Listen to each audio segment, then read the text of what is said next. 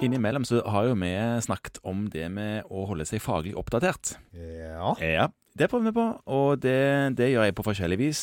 Det kan man høre en annen plass hvordan jeg gjør det, men eh, da fikk jeg en mail i min innboks i dag, faktisk. Ja. Nå er vi på tampen av 2019, Ja. og den handler om eh, statiner. Ja. Og, eller det gjorde han egentlig ikke. Han handler om kolesterol og risiko for major cardiovascular events. Sånn meis. Maze, ja. Ja. Ja, og den eh, artikkelen var publisert i New England Journal of Medicine. Det er jo et relativt velrenommert tidsskrift. Ja da, man kan fort eh, stole på ting som står der, i alle fall når det gjelder kvalitet på studien. Det kan man. Det kan man. Eh, har du lest den? Har du Ja, jeg har kikket så vidt på den, for du sendte meg jo en link på dette og sa Kristian, dette må du se på. Ja. Ja. Og eh, var det, ble du mm, overraska? Nei. Nei. Nei, det Nei. er vel riktig å si. Jeg jeg ble vel ikke det, men, men det er klart at som du også tidligere har tatt opp, så er det ikke alltid like lett å ta denne statindiskusjonen. Nei, det har jo vært litt eh, ikke så lett å bevise alltid. Nei, altså, og de studiene varierer jo litt, og det er s- kanskje ennå, selv om de fleste leger tror jo veldig på at det med kolesterolsenkning har noe for seg, og stadig mer forskning har tyda på det, så har det jo kanskje vært vanskelig å overbevise pasienten om det. De får jo så fryktelig vondt i kroppen av disse statinene sine. Ja. Ja. Sånn at eh, det denne studien viser da, er jo at den har sett på mais ved to forskjellige innslagspunkt for kolesterol Ja, etter at man har hatt et slag. ja så dette Eller- er slagpasienter. Ja, Ja. slag eller tida. Med slag eller tida, og da har de sikta på to forskjellige LDL-kolesterolverdier. Sikta på 2,5 og 1,7, Ja, altså under 1,8. Under 1,8, ja. Eh, Og det er for så vidt relevante verdier det, fordi begge to har ligget inne i, i anbefalinger tidligere. ja. Men under 1,8 er det, Da er du aggressiv i behandlingen, egentlig. Ja, kanskje mer aggressiv enn mange av oss har tenkt. Ja, ikke det har jo sant? vært anbefalt dette til bl.a. diabetespasienter med erkjent hjerte-karsykdom. Sånn at det er ikke en helt ukjent sted å legge seg. Og det som viser i denne studien, nå skal vi ikke sitte og referere alle de tunge tallene her, men den, den er stor. 2860 pasienter.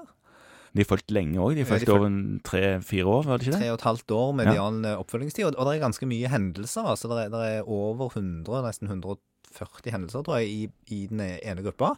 Så det er ganske mye hendelser. Mye som Og skjer. Mye som skjer. Og det som viser, er at det er signifikant lavere major adverse cardiovascular events hos de som senkes til 1,7, i forhold til de som senkes til 2,5. Begge hadde en utgangskolesterol på rundt 3,5 før de ble randomisert i LDL. Ja. LDL vi snakker om her hele veien. Ja. Så L- 3,5 i LDL, det er jo en sånt snitt som vi kjenner til, og så ble de da behandla ned til enten under 1,8 eller til rundt 2,5. Mhm. Og det ble gjort i all hovedsak med statiner, og eventuelt eh, Estetimib i tillegg. ja. En behandling som er godt kjent. Og hvis man skal stole på det de skriver her, da, og det er jo nærliggende å gjøre det, så, så er det sånn at det er kanskje en liten sånn spark til noen hver av oss om å faktisk trykke litt ekstra til på disse pasientene, som jo da har hatt en hendelse. Dette Ja. er jo da sekundærprofylakse og Ja. ikke primærprofylakse. Så de har jo vist veldig tydelig at de ikke tåler sitt kolesterolnivå. Ja. Det er det som er poenget. Ja. Ja. Så er det jo kanskje diskutabelt hva det er som gjør dette, om det bare er kolesterolet. Og de påpeker jo òg disse artikkelforfatterne at du selvsagt skal behandle både blodtrykk og røykslutt og eh, alt dette andre i tillegg. Diabetes, ja. Vekt og ja, alle de tingene. Det hører med sammen med LDL-kolesterolet. hører med sammen med LDL-kolesterolet. Så, så det er ikke det at LDL er det eneste som er viktig. Her blir alt behandla skikkelig. Og det eneste de kan si noen ting om, er at det ser faktisk ut som pasienten kommer bedre ut hvis du trykker kolesterolet enda litt lenger ned. Så LDL er en isolert risikofaktor, for de andre tingene der er jo randomisert og er tatt høyde for, så der skal det ikke være noe confounding factors der. Gruppene ser i utgangspunktet veldig like ut. Så, så det er på en måte en, en litt sånn bygge opp under at har du hatt en hendelse, eh, så bør du være ekstra aggressiv med å senke kolesterolet så langt det lar seg gjøre.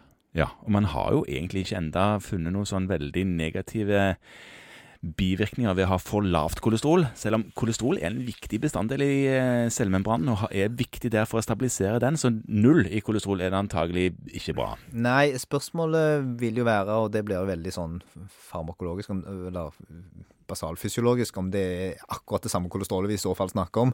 Men det er andre studier som, som er gjort på andre medisiner der de senker kolesterol, LDL-kolesterolet ned til under 1, og fortsatt ikke klarer å vise, selv med relativt lang oppfølgingstid, at det er noen negative effekter av det.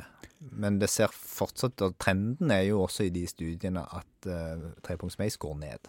Ja, og antagelig går det lenger ned jo lenger ned en går, men akkurat nå, i alle fall denne I hvert artikkelen fall under 1,8. Ja.